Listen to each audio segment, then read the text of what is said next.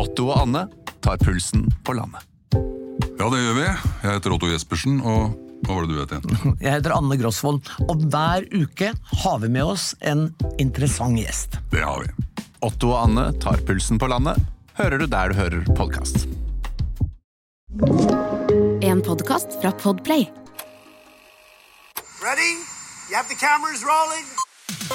He was hosting boozy parties in Downing Street. Well, when the president does it, that means that it is not illegal. I have a dream. We will win this election and we will change the country together. even war has rules. We must demand that all parties uphold and respect their obligations under international humanitarian law. Welcome.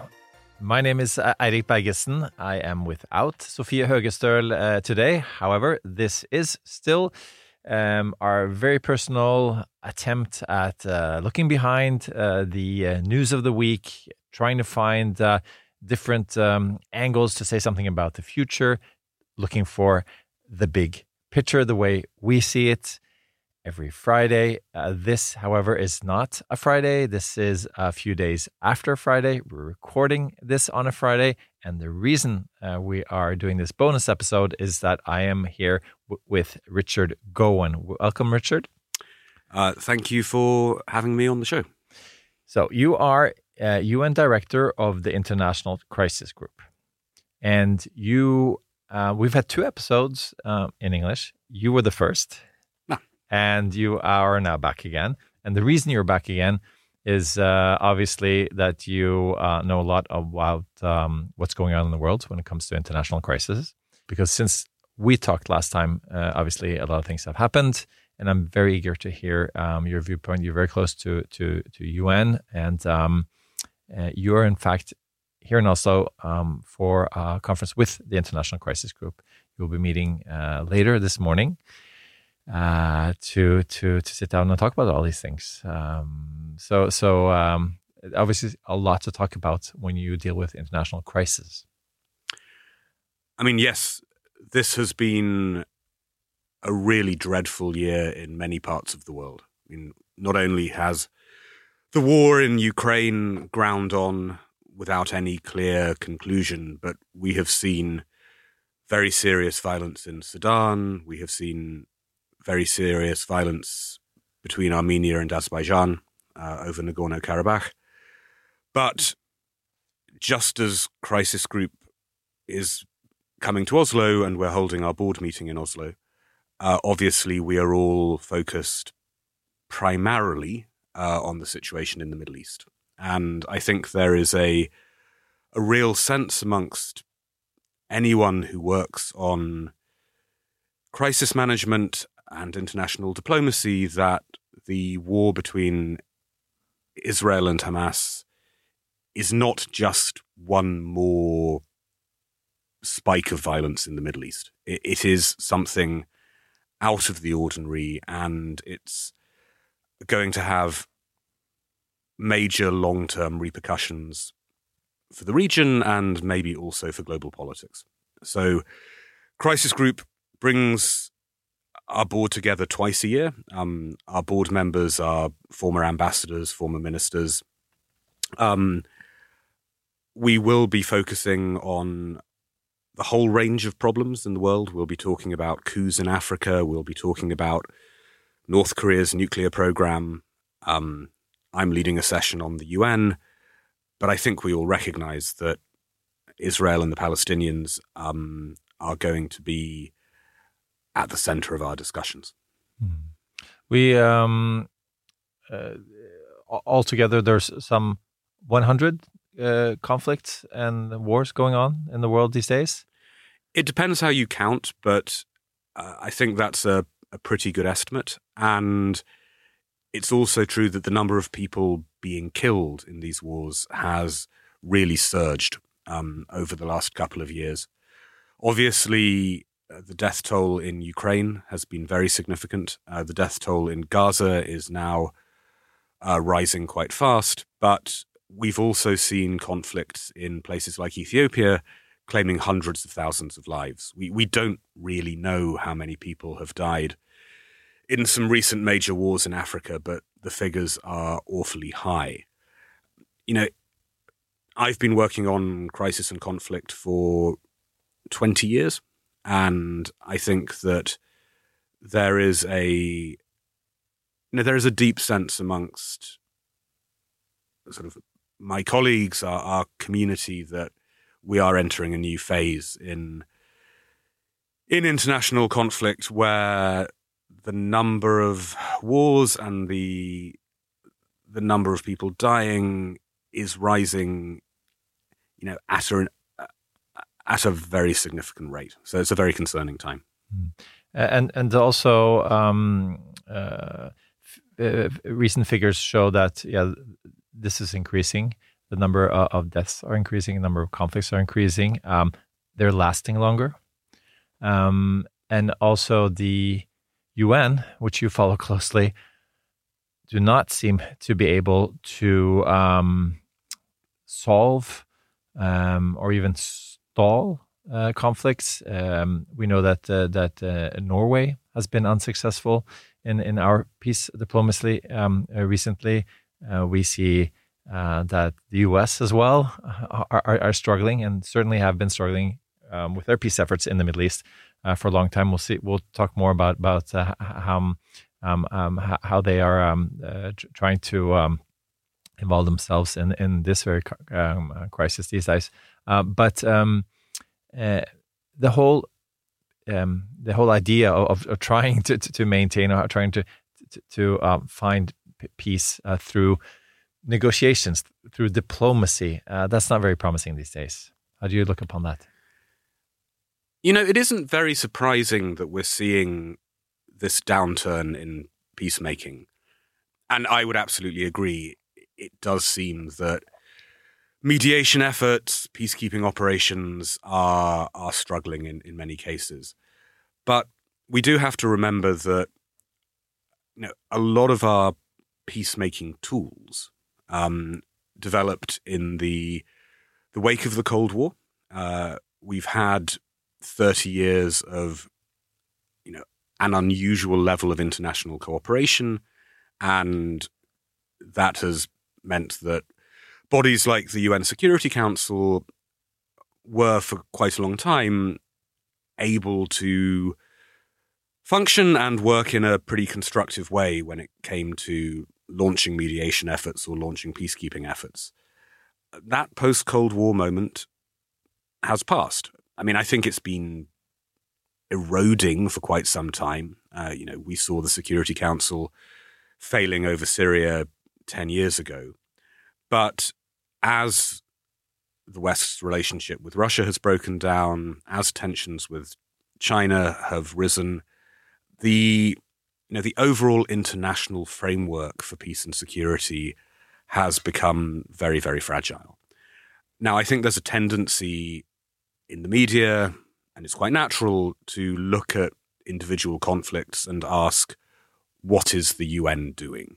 I mean, this is a question which uh, I certainly get asked all the time um, by journalists, uh, by my family. Uh, you know, why is the, the, UN failing? Why is this mediator um, scrabbling to deal with a conflict? But it's rarely the fault of an individual international official or even the UN as an institution that they can't get a grip on a conflict. Um, instead, you have broader geopolitical fractures that mean that an organization like the UN just doesn't have the leverage and credibility that it had 15 or 20 years ago. Uh, so I'm not trying to to pass the buck. Um, we should always be critical of the UN. We should always be critical of uh, NATO and other institutions that are meant to make peace. Um, but we do have to recognize that they are operating in a fundamentally new and fundamentally negative environment. I also saw a figure that said that, um, in general terms, um, a, a, conflict or a war even uh, takes eight to 11 years to resolve uh, or maybe even contain. Um, and, and then, uh, and that this is longer than it used to be. and but each new war, um, we don't see the the other war, at least the one that gets media attention, um, being resolved. So there seems to be more being put put on the table. Um, if if the UN is not in effective, like what are these days the the, the effective tools in a very general uh, sense um, to to gaining peace? I mean, I would just make one point about the the question of war duration. Mm. Back in the 1990s, and I think into the first decade of this century, uh, we did see more mediated peace agreements. But actually, a lot of those agreements were quite shallow, and a lot of the wars restarted again uh, within five or six years. So even when we thought we were good at mediation and peacekeeping, actually we were often just sticking a band-aid on a conflict and then it would erupt again once Mm. the tension had had moved on. I mean, I think what is different now is that there is almost a sense of fatalism about some of these conflicts. I, I mentioned the you know, absolutely appalling civil war in Ethiopia that lasted from 2020 to 2022. There were diplomatic efforts to resolve that, and the US and others worked behind the scenes to get a ceasefire. But in that case, no one could get a diplomatic grip on the on the violence, and in essence, it only ended when one side, um, the Ethiopian government, was winning on the battlefield. Uh, so, to some extent, wars are now being allowed to burn out, Yeah. um, which you know can can look pretty awful. You know, there are there are alternative peacemakers out there. Um, uh, in in Africa, in particular, we're seeing the African Union um, stepping up and leading on diplomacy in places where the UN might once have been um, the primary peacemaker. Uh, the Gulf countries are increasingly getting involved in uh, peacemaking efforts, um, reflecting their global interests. And, you know, it's been fascinating this year over Ukraine that actually a whole range of non Western countries have come forward and said, we will try to make peace between Moscow and Kiev. So Brazil has launched a peace initiative, South Africa has launched a peace initiative. They haven't worked. Um, and I think the Ukrainians have found these quite irritating uh, because I think they feel a lot of the uh, self appointed peacemakers are sympathetic to Moscow. But I, I find this I find this a sign of the times. Uh, it's probably true to say that if you have an image of an international peacemaker, it yeah, it's it's a, it's a Nordic person. Yeah. Um, it's a, is is an, an, a, probably a Nordic male, um, backed up by uh, the US. Well, maybe in future that stereotype is going to be a bit less applicable. Yeah.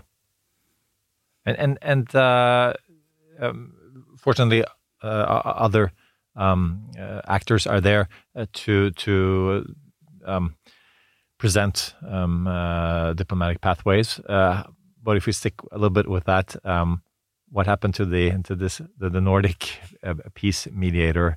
Um, why is this he uh, or she um, not that relevant anymore? Well, I don't want to. I don't want to dismiss uh, Nordic diplomacy altogether, and um, you know, actually, uh, we still see many diplomats from this this region uh, working on the ground in regions like like the Middle East, um, uh, with a you know a very high level of uh, skill and, and dedication.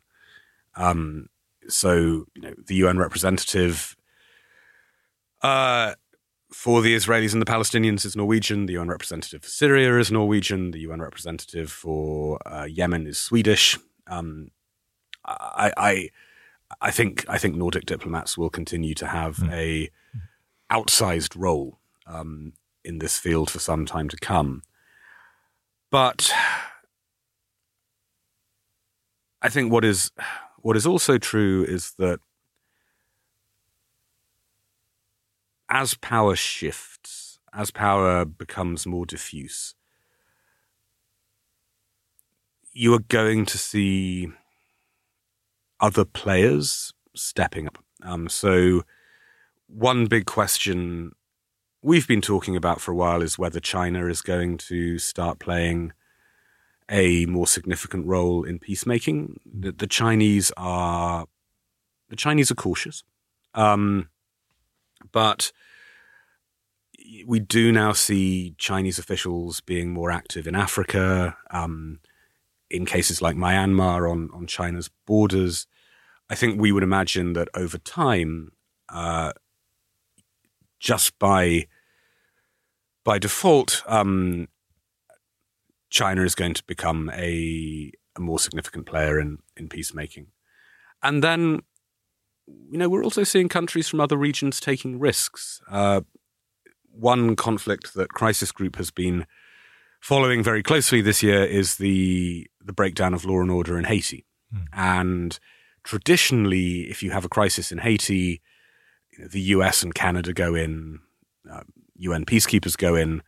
But this time around, you know, the US doesn't want to send troops.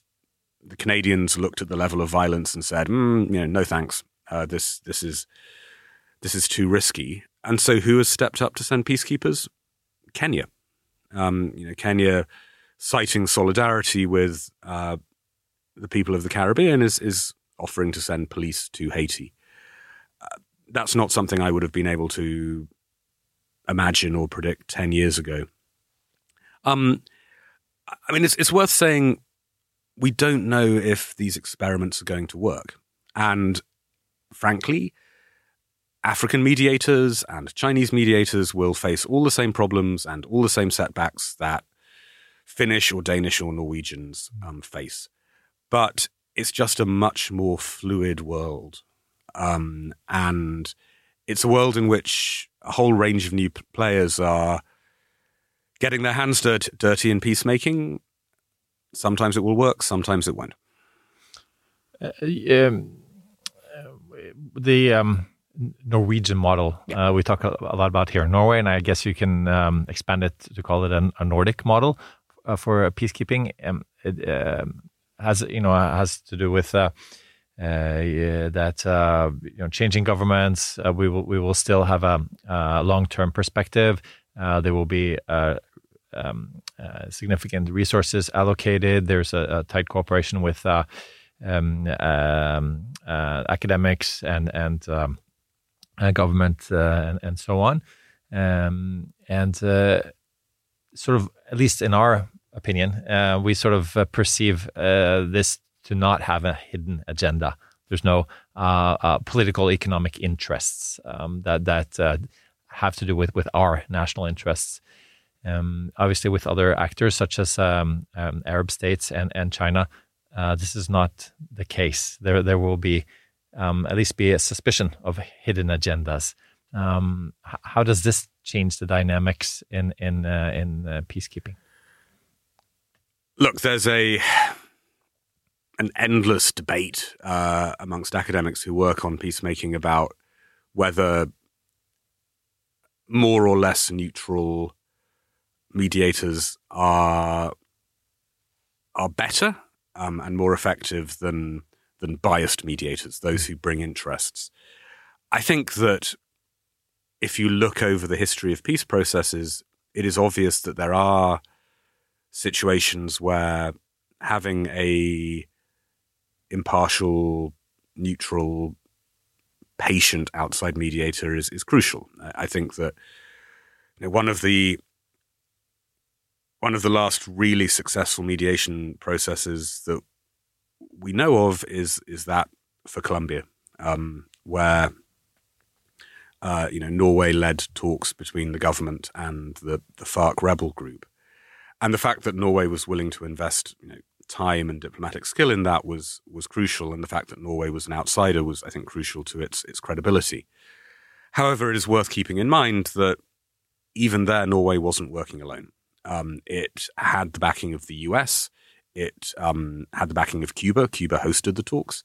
Uh, Venezuela and other Latin American countries were active in the background. and so yeah, Norway was there being neutral, um, uh, and it, it was a very impressive effort.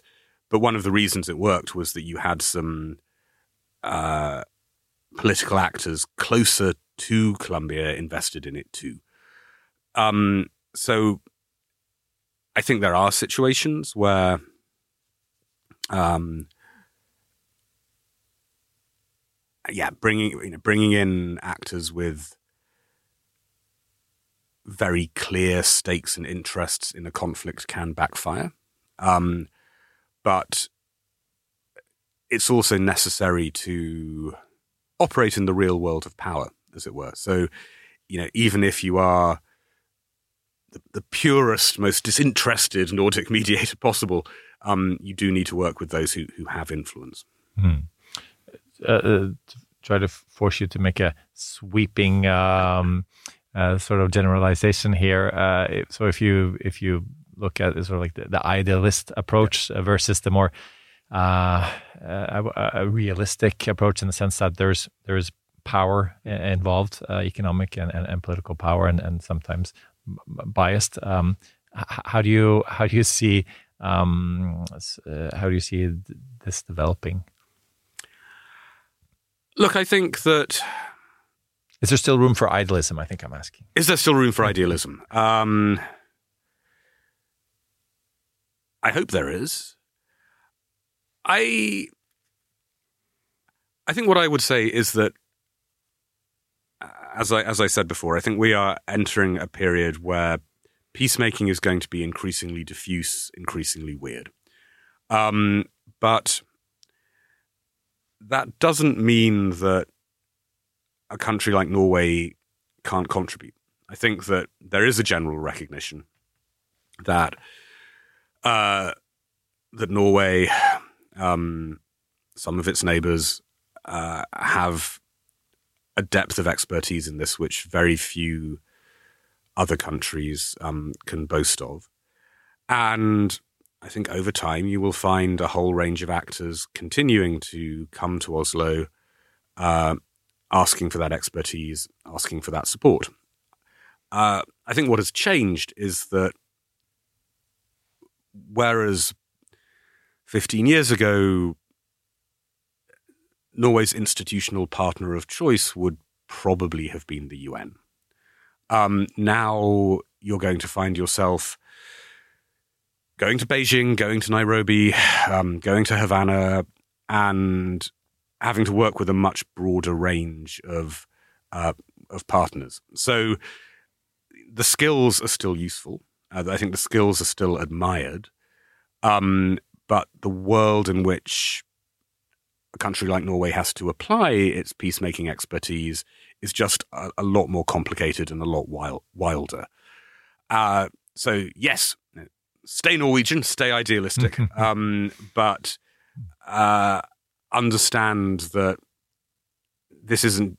This is much less now about getting on the SAS flight to New York and talking to UN officials and coming up with a plan. Um, it's going to be much more about uh, working with an unexpected range of partners. Hmm.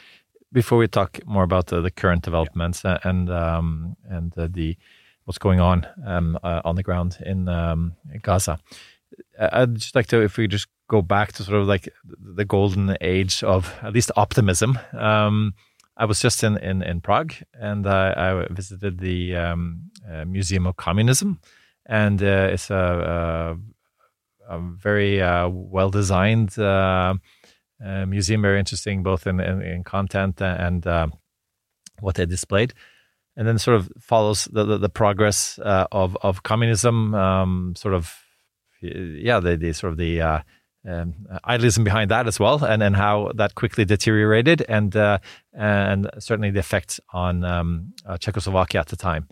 Um, and and then you see all the, all the resistance and the idea based resistance, uh, the, the the liberal thoughts and so on, and and how they were um, uh, knocked down, and but how um, idealism uh, persisted, and it ends in 1989 uh, which a lot of other things also happened in the world that were good. There was uh, the uprising in Tiananmen Square. You had uh, Nelson Mandela being released and so on, and then you had Václav Havel uh, rising up to become president. the last image as you as you exit um, through the gift shop is is Havel in um, in Congress with his familiar peace sign, and and there's a quote about. Um, which I can't remember now, but something about truth prevailing and, and uh, sort of always clinging to to your uh, ideals, um, whatever agony you face.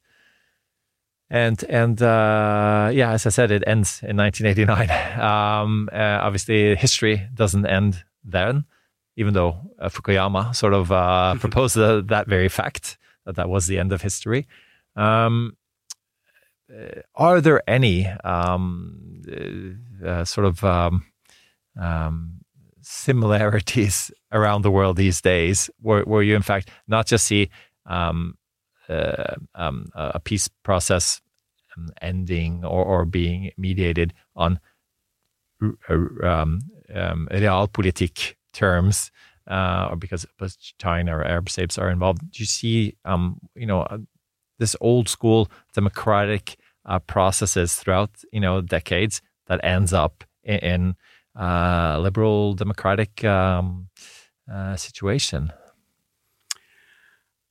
I mean, I think we've learned over the last thirty years that while the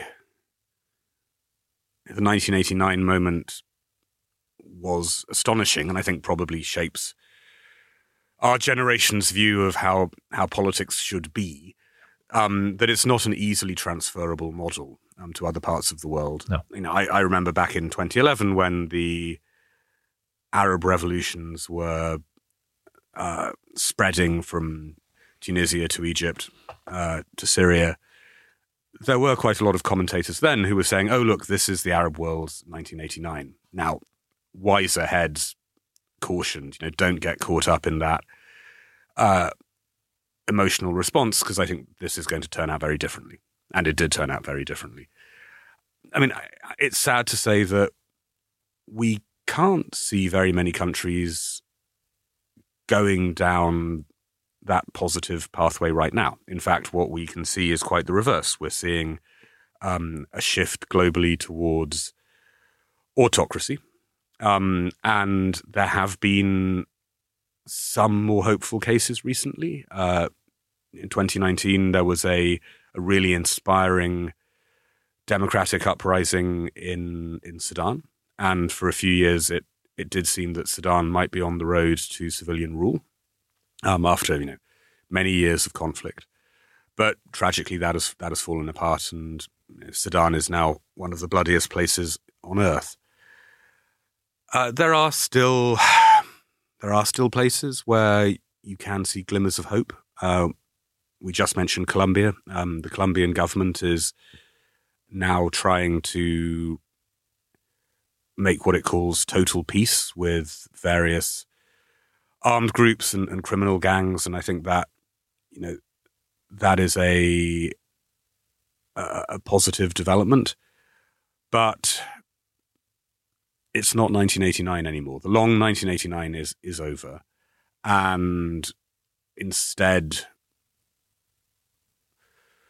those of us who who care about peace in the first instance, but also care about democracy and human rights, um, are now, in American football terms, we're playing defense. Um, we are uh, trying to protect countries from sliding into autocracy or, or war. Um, and we're trying to, as I think you're implying in a lot of your questions, defend a certain set of values which are under a huge amount of, of pressure. And, you know, you mentioned that I'm here for the International Crisis Group board meeting. Um, let me assure you that a lot of the questions you were asking about Norway's place in the world, uh, an NGO like the International Crisis Group, which is a, a global conflict prevention organization that was launched in the mid 1990s, um, you know, we're, we're, asking the same questions of ourselves. Uh, how how do we keep up the the work of, of peacemaking, of conflict prevention, um, in a in a different in a different world. Velkommen til Kjemperådet! Vi har fått inn et kjempekleint problem fra Trine Lure 22. Ok. Jeg leser. De to andre i kollektivet mitt har begynt å date, og jeg syns det er veldig kleint når vi skal se på TV sammen, og de bare skal kline. Ok, ja, Hvordan skal hun løse dette? Siden Trine Lure er under 30, får hun jo ubegrenset data fra Telenor fra 399 kroner. Da Da kan hun sette seg på sitt eget rom, streame så mye hun vil på mobilen. Ja, hun kan jo se på nye mobilabonnement på telenor.no. Ja, det er lurt. If we move on uh, to the to the Middle East and um, the um, uh, unfortunately the um, you, you mentioned the the war in Ethiopia that has uh, uh, you know the, the the figures vary but uh, some six hundred thousand people died um, uh, within a, a, couple of years. The um, um, without the world's media attention. Being that focused on this um, uh, undeservingly. We now see a huge uh, media focus um, uh, uh, on, on this very conflict, what's going on in Gaza now. Uh, every day outside uh, our parliament, there's a demonstration.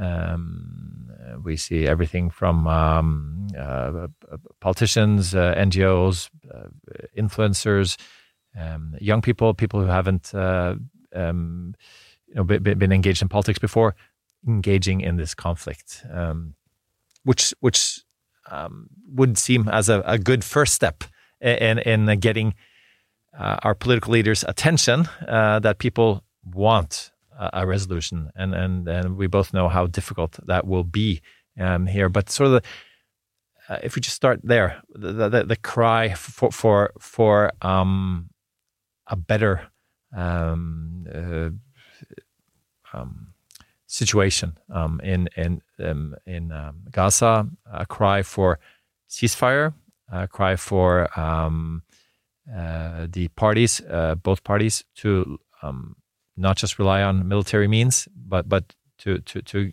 um, have some real uh, talks, to have uh, diplomatic efforts. How do you look upon uh, this uh, situation? I mean, I think what is striking about this situation is that um, the public are are not being quite as rational as you imply.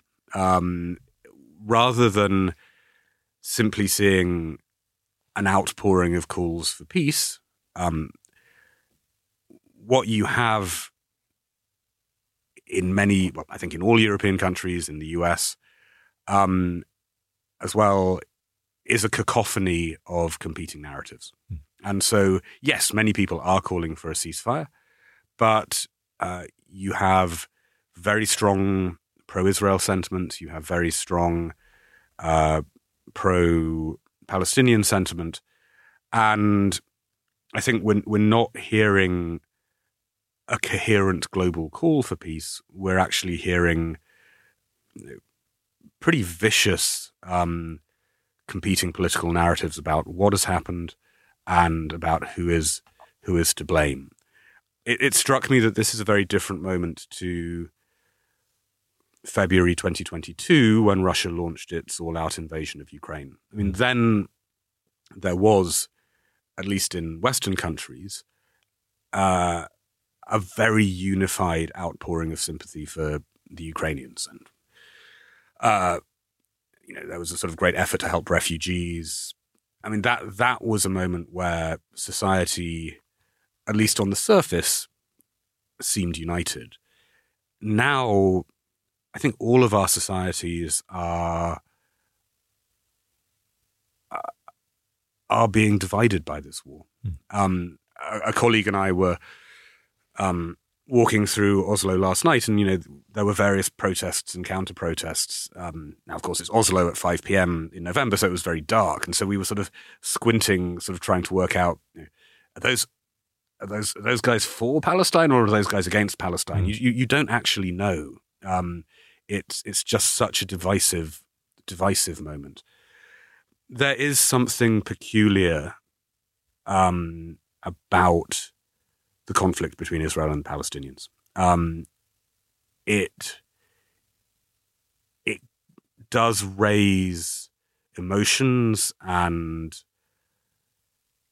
opinions uh, deep within all of our societies in, in a way that even a war like that in Ethiopia um, just does not. And I think that also profoundly complicates um, our response uh, to uh, to what is going on in the Middle East because it is mediated through these very intense domestic debates which spring up uh, spring up so quickly. Um, the um, one of the um, things that uh, the Americans are telling the Israelis, um, it seems these days, um, is that the um, uh, their global support uh, will not last. Uh, that the public opinion is turning against them. Um, I'm sure they they know this. So, uh, but how, wh- whatever way you look at public opinion, and and, and I totally agree that uh, I was trying to put a diplomatic spin on this, but it's it's mixed, um, and it's not always helping. But but there is a demand for something to be done, um, and and how much do you think that public opinion matters to um, obviously matters uh, to, to, Americans given that there's an election uh, coming up and, and, you have the uh, the Arab American vote in a swing state as Michigan can decide this election, and those polls aren't looking good these days for Biden. Um, so so um, how much um, does public opinion really matter in this conflict? Global public opinion, um, most specifically. I think it matters enormously. I think that if you're viewing this from the perspective of the US, and this is still a case, by the way, where certain old rules apply, and the US is very much the you know, the only mediator that's out there. You're looking firstly at domestic politics. Um, clearly, you know, Biden has to um, think about how the Democratic Party and how US voters um, view the war. But also, I think I think the US is is also concerned about what this war is doing to public opinion worldwide. Um, you know, the, the US is, if you zoom out, involved in a a very long term contest for hearts and minds uh, with China um, all around the world, in Africa, in Asia, in, in Latin America. And I think Washington has felt quite satisfied over the last year and a half that it has managed to get a lot of um, non Western countries to support its position on Ukraine. And it, it, it values that support um, in part because of the Ukrainian situation, but I think it also sees uh, you know, it sees its efforts to build a coalition um, in support of Ukraine as part of a broader effort to you know, maintain leadership um, in the world uh, as an alternative to China. Now we see uh, you know, a large number of a large majority of, of non-Western states um, splitting with the US uh, over the Middle East. And I think that US officials are very, very concerned that one long term beneficiary of that process will be Beijing. Um, because uh, although the focus right now is on Gaza, um, this war this war is feeding into global discussions of how the you know, how the US doesn't care about Arab lives, how the US has double standards about um, which civilians uh, matter, and at the end of the day, uh, that all favors uh, the main competitor to to Washington, which is which is China. It also benefits uh, Russia and, and Iran. What's going on now? How much does that matter?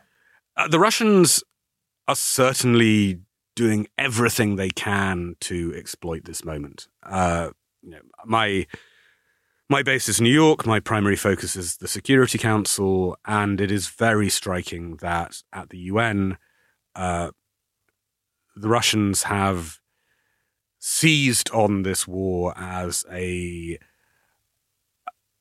an opportunity to put pressure on the US in the way that the US has been putting pressure on Russia over Ukraine um, uh, since the beginning of last year. So Russian diplomats have been out and about uh, accusing the US of double standards. Um, the Russian ambassador in the Security Council claimed that Lockheed Martin was fueling the war um, to, uh, you know, support defense spending. I, I, think that I think that Moscow um, is is reveling in this moment. I mean, I would actually say that at the UN, this is backfiring a bit for the Russians. Um, I think Arab diplomats can see that Moscow is instrumentalizing the crisis. Um, a lot of non-Western countries that are very sympathetic to the Palestinians um, find Russia's tactics distasteful. But, you know, it, it simply does play to Russia's advantage when the news is not about Russia vetoing a resolution on Ukraine, but is instead about um, the US vetoing a resolution on humanitarian assistance to to Gaza. Um, so I think Moscow does see this as a a real opportunity to disrupt global narratives. Um, and actually, the Russians are much more active about this than than the Chinese. I think that uh, you know, China is more wary of, of throwing itself into um, into diplomatic controversies. As to Iran, I mean, this is probably something that we'll be discussing at the crisis group meeting over the next couple of days. This isn't necessarily uh, a great moment for Iran um, because, for the time being, it has been possible to contain the conflict um, between Israel and Hamas.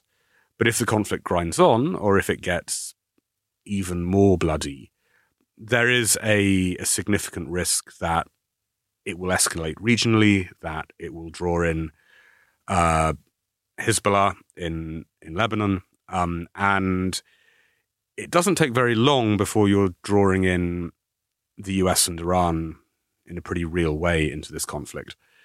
Uh, all the indications are that Hezbollah and Iran don't want that.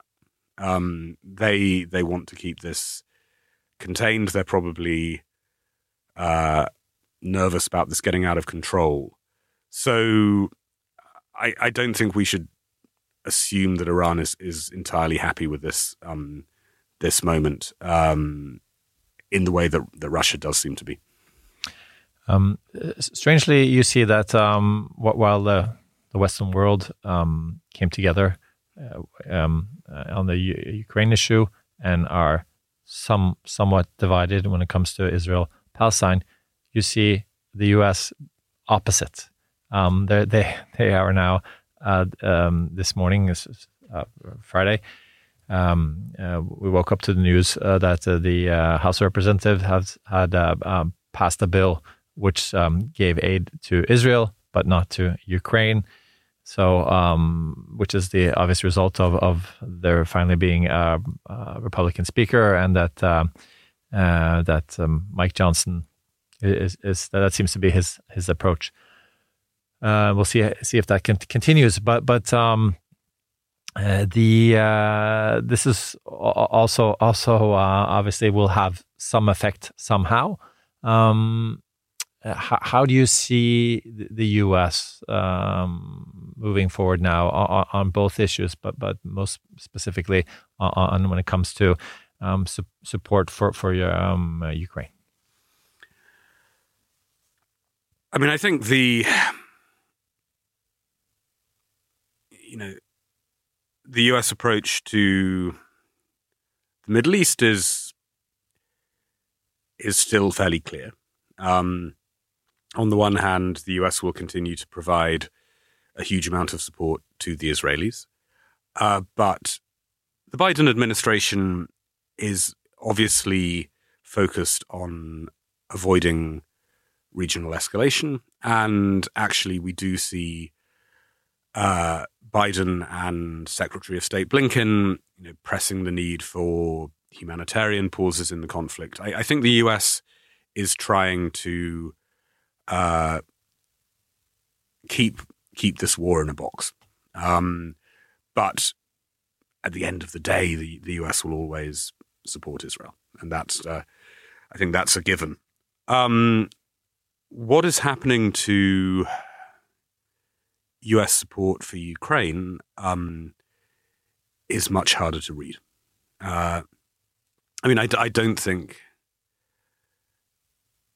I don't think the US is going to simply stop giving support to the Ukrainians. Um, there's a lot of political posturing now. Uh, you know, most of us are just trying to find out who Mike Johnson is. Um, he he has sent mixed messages over his attitudes to, to Ukraine.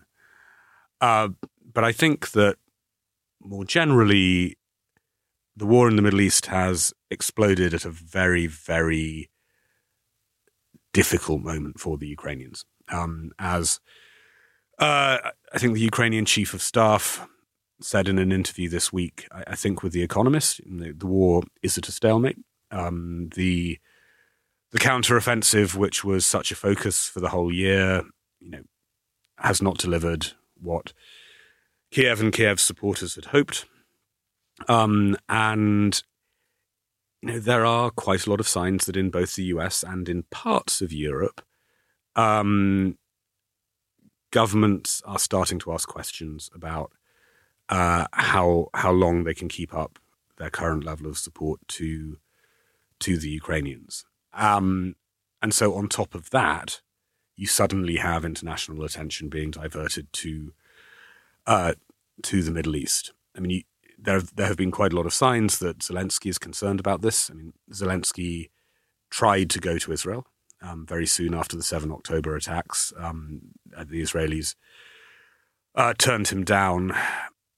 You know, he would evidently like to draw a clear line between the two wars. Um, Biden has tried to draw a clear line between the two wars, but I, I don't think that's working at the moment. Um, so we're suddenly in a very, very uncertain moment regarding Ukraine. Um, what I would say is that there is one man who can immediately ratchet up sympathy for the Ukrainians again, and that is Vladimir Putin. And if, as everyone now predicts, Russia is preparing for uh, a pretty brutal bombardment of Ukrainian civilian infrastructure over the winter, um, I think that will shift the narrative again. Um, I think that, especially if the war in Gaza does come to a pause, attention will return to to Ukraine, and people will see that Russia is continuing to use very brutal tactics, and that will probably shake up some political calculations, and that will mean that governments will look for more more funds to support the Ukrainians. Um, so it may be that this moment of uncertainty is is temporary. Uh, but yeah, right right now, if you're looking at this from the Ukrainian perspective, it, it's a it's a very uneasy moment. Mm. Um, if um, it, do you see um, a situation where um, there's um, not enough development? It seems to be positive developments all along for the Ukrainians on the battlefield, but there this um, uh, s- stops more and more, and uh, that that the um, uh, the international community uh, led by the U.S. sees that we now have to resolve this somehow. We need um, um, uh, peace talks. We need to uh, um, find a way out of this. And uh, you, you, mentioned the, the, the sort of the idea of, of war burning out, and, and, maybe in the sense that that we see that um, the the the there's um, Congress is not able to justify this uh, towards uh, voters, maybe on, on, on both sides of the aisle, even, um, and and that uh, we don't have to go into specifics of what, what that would look like, um, uh, a peace agreement. But but is there is there um, a possibility of of a peace agreement um, uh, at all, uh, given the fact that that this has sort of um, entered a sort of a, a, stage of a stalemate? I mean, I, I would say just to start with that I think I think the the Biden administration had always been hoping that the war would be winding down about now. I mean, we did hear that at the the end of last year and the beginning of this year, when the US was, you know, pumping arms into Ukraine, that US officials were still telling their Ukrainian counterparts that they should understand that this level of support was not indefinite. And that's partially for technical reasons. I mean, there are just limitations to the amount of armaments that the US and its allies can can give Kiev. Um, but you know, I think there was also a political understanding that uh, President Biden did not want to be going into the 2024 elections with an uh, with a burning war in Europe um, as a distraction. Now, obviously, what the US was hoping for was that the counteroffensive would deliver some big wins and that it would be possible to start some sort of peace diplomacy with Ukraine in uh, you know a clearly stronger position. Um, now, instead, we are in a a much more opaque moment. I, I think the real obstacle to peace talks is very frankly that there is no real sign that uh, Russia wants to engage in good faith discussions. And, you know, all the way through this year, um, even when things have been going pretty badly for Russian forces, uh, as in the endless siege of Bakhmut, you know, Putin and his outriders have, you know, continued to insist that Ukraine has to accept very harsh peace terms. Uh, given the current geopolitical situation, I don't think Putin is going to become any more lenient. In, in fact, I think he probably sort of sees that uh, it's in his interest to, to, drag the war out. Um, as as one crisis group board member said to me yesterday, Putin has some trump cards, and one of them is Trump. Um, ultimately, he may just conclude that it's better to drag on the conflict in the hope that we get Trump 2.0 next year, and then the Ukrainian political position will be fundamentally un- undermined.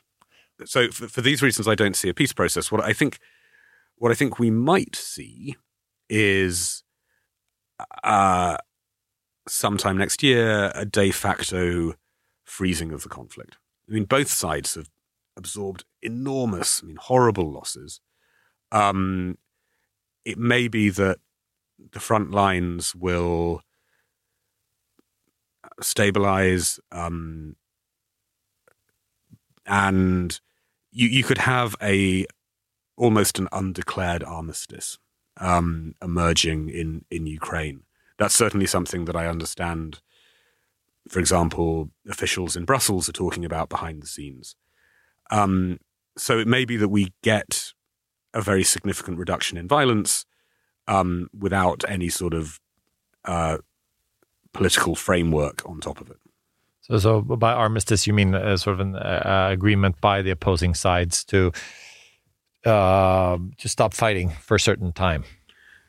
Well, an, you know, an armistice is a a military agreement to stop fighting without a political solution, mm. and mm. you can have a formal armistice, which is what we've had on the Korean Peninsula yeah. um, since the 1950s, um, or you can have a just a de facto freezing of the conflict. Now, the Ukrainians, I think, quite rightly, um, are are suspicious of this because between 2014 and 2022, you know, they had a a quasi frozen conflict in the east of the country, um, and the Ukrainians would argue that you know the West ignored that conflict for too long, and that that created the conditions for Putin to, to risk the 2022 offensive. Um, I think it would be true to say that you know even if the war petered out next year, both sides would be looking ahead and imagining a you know a new war sooner rather than later. Um, but it you know it, it, it is possible, and I know this is this is merely me speculating. I should say this is not a crisis group official position. Um, it, it is possible that you will see a you will see a significant reduction of violence, um, just because both sides are are tired. Um, you, you mentioned that, that that China are weary in, in getting involved. Um, obviously, some people are afraid that uh, China will use this political uh, vacuum to to um, do something uh, when it comes to uh, Taiwan. Um, how do you see that issue? Um, this is something which Crisis Group has been focusing on a lot recently. Um, we uh, just published a big report on on Taiwan. Actually, you can find it on Crisis Group's website. I mean, I, I think our analysis continues to be that the immediate risks of a hot war remain uh, relatively low. Um, but it is clear that you do have some risks of, of miscalculation and also you know tensions over Taiwan are are doing deep no, they're doing deep damage to to US China relations more more generally. Um, so it is a it is a big source of concern. Uh, however, I think I mean let, let's hope that I'm not proved wrong between the time of recording and the time of the podcast coming out, but I I think that some of the analysis about um, you know Beijing seeing an opening uh, is is probably overstated. What what is true is that you know while while the world's attention has been focused on Gaza, uh, we have seen more friction, for example, in the South China Sea between China and the Philippines. Um, you know, this moment when the world is focused on the Middle East certainly is an opportunity for for China to make moves to strengthen its regional position. Um, but I don't think we would go as far as saying that Beijing's next step is is an all out war. Is that because they they sort of they at the end of the day cherish the, the global stability uh, uh, too much? Or you know, It's not it's not fundamentally in China's interest to bring the global economic system crashing down. And I, I think there you know, there are some tentative signs that the US and the Chinese are tiptoeing towards a shared understanding of this. Um, you know, uh, it's it's still not certain, but there is a reasonable possibility that uh, President Biden and Xi Jinping will meet in San Francisco um, before the end of the year.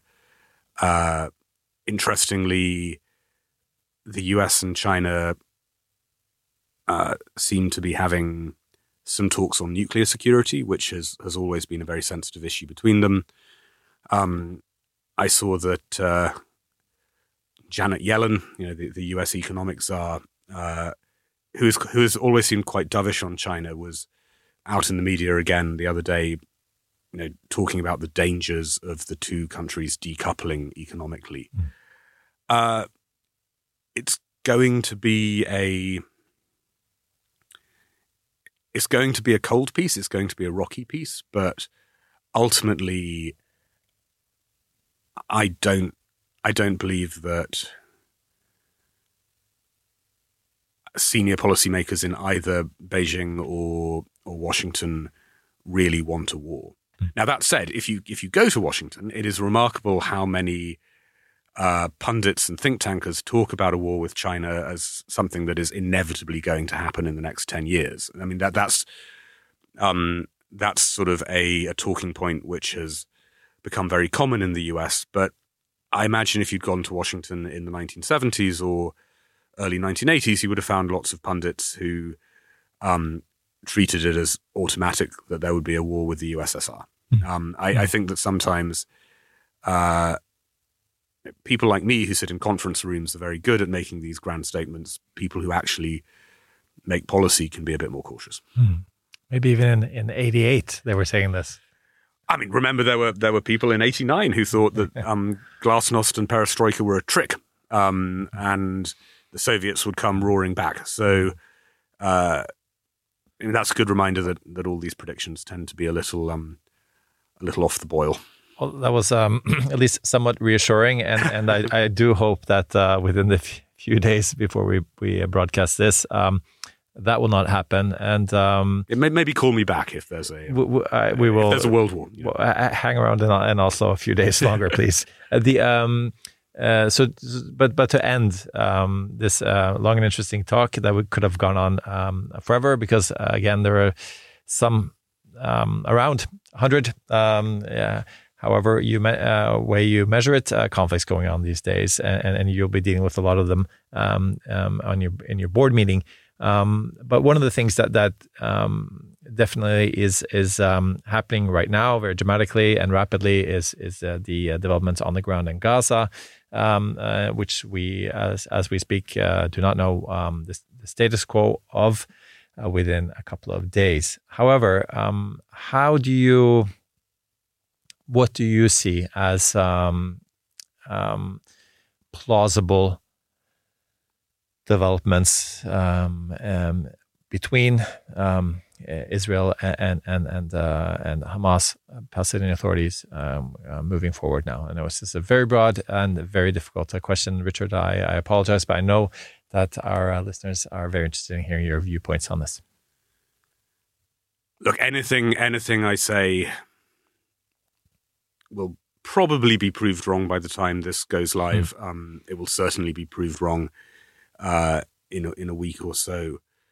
I mean, I I'm just coughing to buy time before before answering that. Um, I, I saw through that one. Ah, damn. Look, uh, it,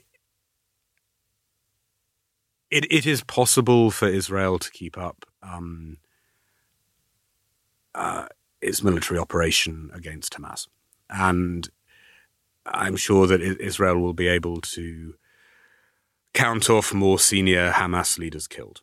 Um, but I do think, as we were discussing, that the US is concerned about um, what this means in terms of global public opinion. And I think it, there's also a, a deep concern about the risks of, of regional escalation. And although, as we were discussing, Iran and Hezbollah don't want a regional escalation, I think everyone recognizes that there will come a certain point when Hezbollah, in particular, will just have no choice but to enter the conflict um, if it's grinding on.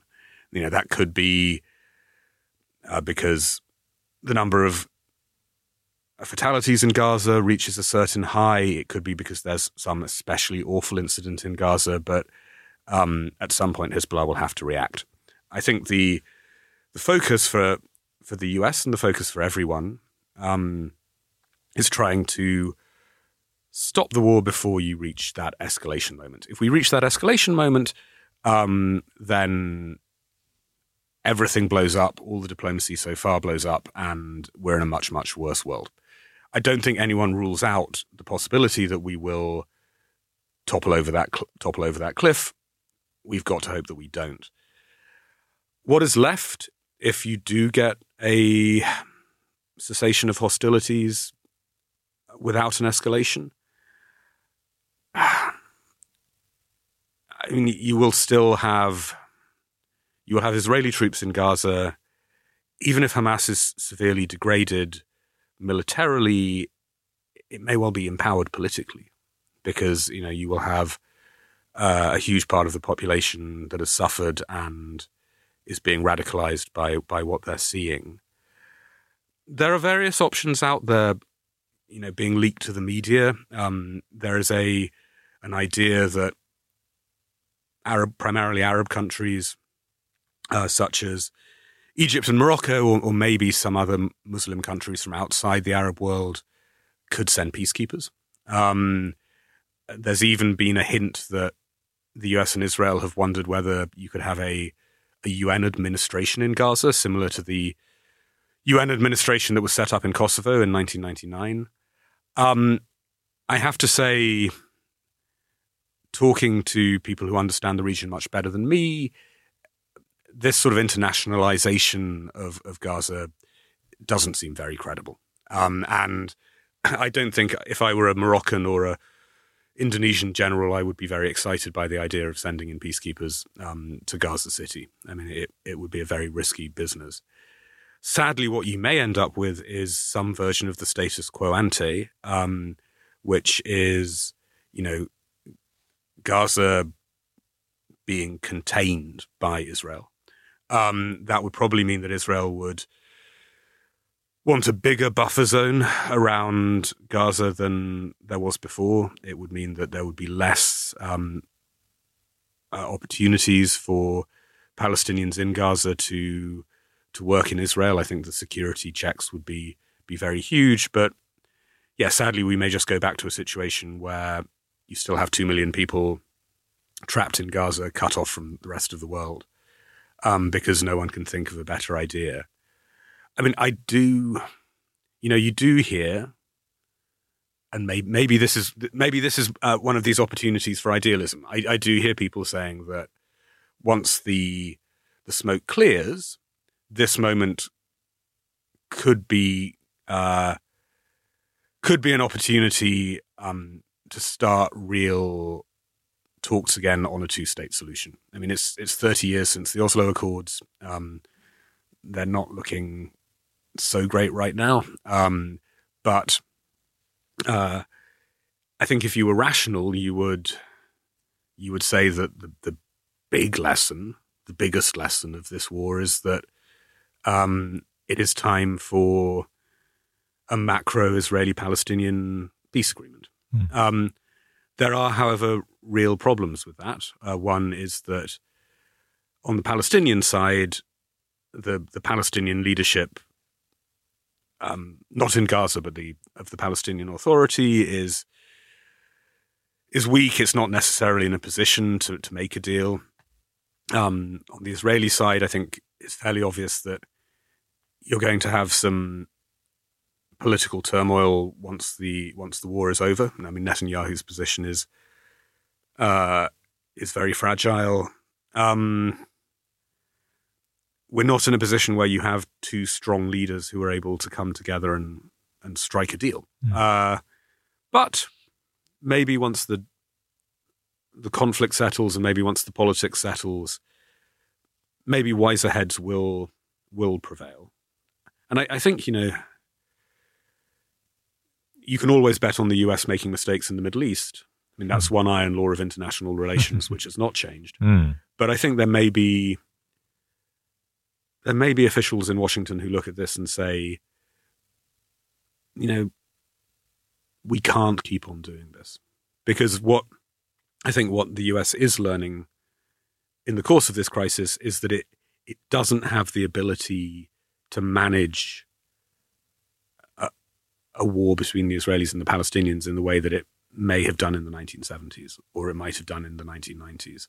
So it's better to try and get a, a durable deal now than wait for a another war or another couple of wars um, that the US will find it harder and harder to uh, to control.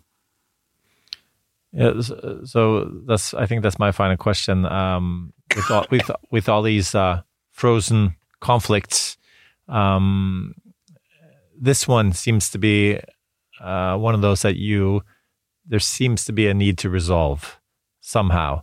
Um, that that uh, that that uh, Israel, the Palestinians, the Americans, and and, and the global uh, public opinion, at least, um, sort of demands uh, uh, a more concrete solution than just putting a lid on it. So is is that the is that the uh, ho hope for uh, the, the um, if if people didn't understand that before this war, uh, they understand that that um, just kicking um, the two state solution bucket down the road, it, it, it's not feasible anymore. Look, I, I would hope that was the case. Hmm. Um, but but will it be politically feasible? That's a different question. Um, but I, I do think that um, I do think that it's necessary to try.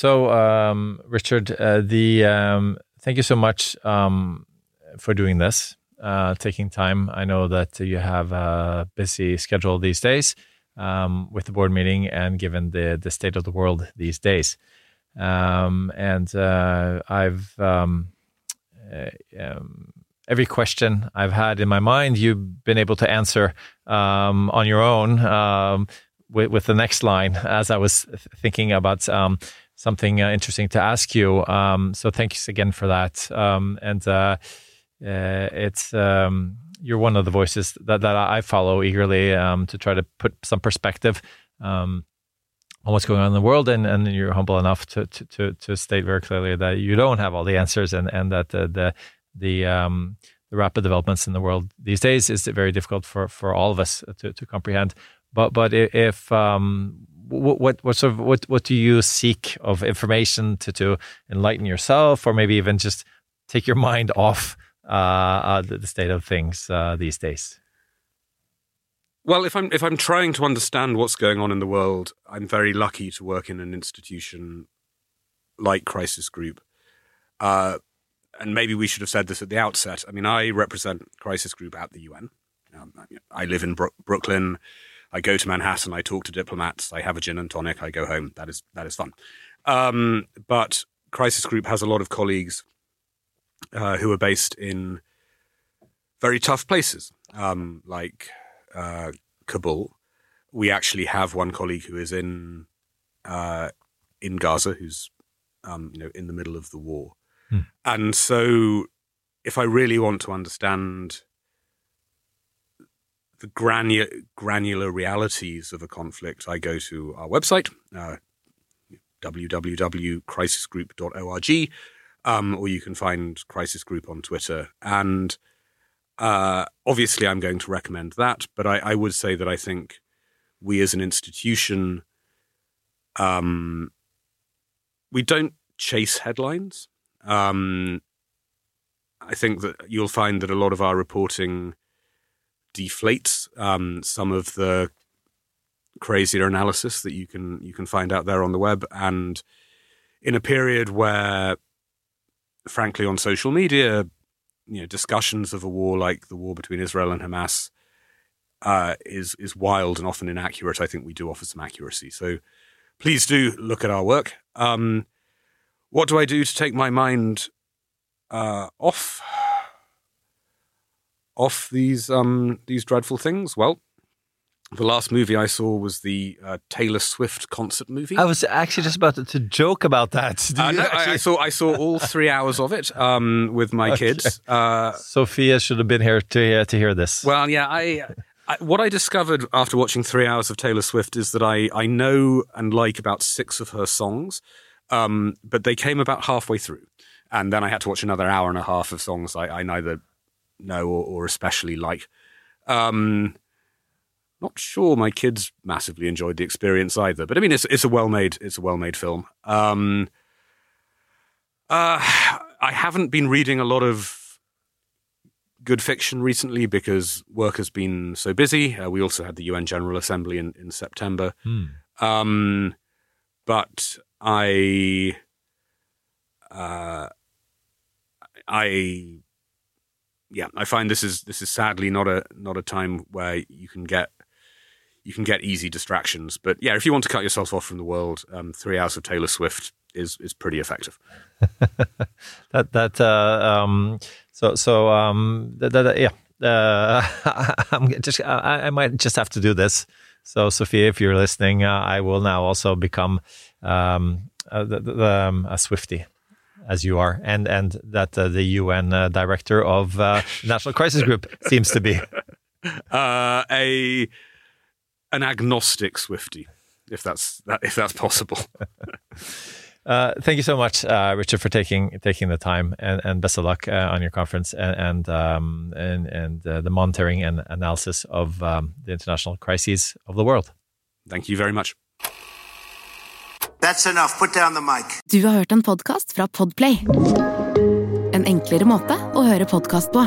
Last ned appen Podplay, eller se podplay.no.